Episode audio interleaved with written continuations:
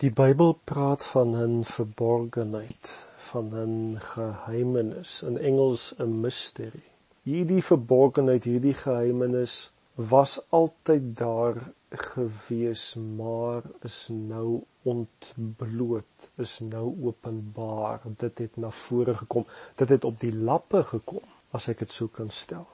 In Kolossense 1 vers 26 tot 29 wat eintlik die openbarmaking van die misterie is van die geheimenis is van hierdie verborgenheid is wat bestaan het van voor die grondlegging van die aarde. Daar staan geskrywe naamlik die verborgenheid wat van die eeue en geslagte af verborge was maar nou geopenbaar is aan sy heiliges aan wie God wou bekend maak wat die rykdom van die heerlikheid van hierdie verborgenheid onder die heidene is. Dit is Christus onder julle. Ander vertaling sê Christus in julle, die hoop van die heerlikheid. Hom verkondig ons terwyl ons elke mens vermaan en elke mens in alle wysheid onderrig om elke mens volmaak in Christus voor te stel. Waarvoor ek arbei en stry volgens sy werking wat in my werk met krag Onthou, die mens is geskep in God se beeld en gelykenis. En voor die sondeval het die mens geleef in die heerlikheid daarvan. By die sondeval het die beeld en gelykenis van God in die mens nie verdwyn nie, maar dit was beslis onderdruk, verberg, oorskadu, gevange geneem deur die wet van die sonde. Die mens het nie meer geweet dat hy steeds waarde in God se oë het nie, want hy was afgesny van God se teenwoordigheid. Die mens het verder homself as waardeloos geag, sigself as sleg gesien en net sigself as substandaard beskou. Die wet in die Ou Testament is nie gegee vir die mens in die eerste plek as iets wat hy of sy moes bereik nie.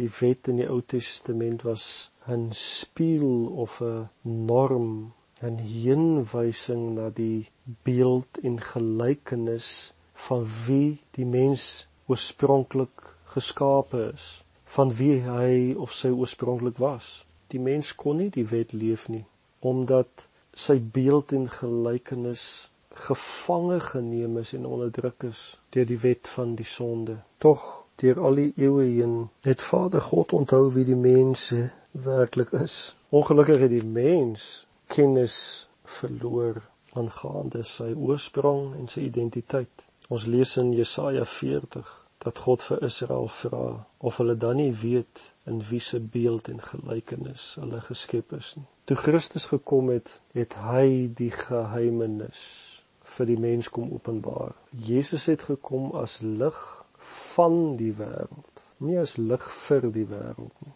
Jesus was die lig of die openbaring van die oorspronklike beeld en gelykenis waarin Vader God die mens oorspronklik geskep het. Jesus het gekom om lig te werp en aan die mens te openbaar sy oorspronklike oorsprong en identiteit, maar hy het ook gekom om hierdie identiteit en beeld en gelykenis te ontsluit weer in die mens. Ongelukkig het Satan die wettige reg gehad en beheer gehad oor die mens se lewe. Hy het beheer gehad oor die wet van sonde en die dood. Waarom alles weer te herstel, na die oorspronklike toe te bring, het God 'n plan gehad waarin die hele mensdom ingesluit is waarin die hele mensdom saam met Christus sterf om rein en heilig te word voor God. So die hele mensheid, ooit wat gelewe het, wat lewe en wie nog gaan lewe, het ook opgestaan saam met Christus as nuwe mense in hulle gees, want die ou mens, die ou natuur het gesterf met Christus. En as hierdie vir jou baie rof klink op hierdie stadium, ek sal dit met die tyd meer probeer verduidelik. En op hierdie manier het God sy beeld en gelykenis weer herskep in die mens, teruggebring in die mens. Maar die mens weet dit nie voordat die evangelie, die goeie nuus nie verklaar word, vertel word vir die mens. Die mens kan nie vanuit hierdie waarheid leef voordat hy of sy dit nie aanvaar, glo en die Heilige Gees in jou kom woon nie. Die Heilige Gees roer jou gees, roer jou hart, stimuleer dit, ontvou die waarheid dat jy ingesluit is in God se herskepping. En as jy dit aanvaar, kom woon die Gees in jou.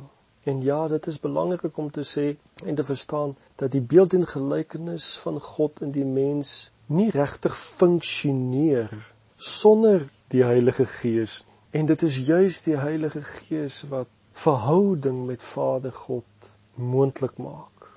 Onthou die oomblik toe Adam wat 'n nuwe skepsel was uit God se teenwoordigheid uitbeweeg het, het al die karakter wat God in hom ingeskep het gestop funksioneer in sy lewe.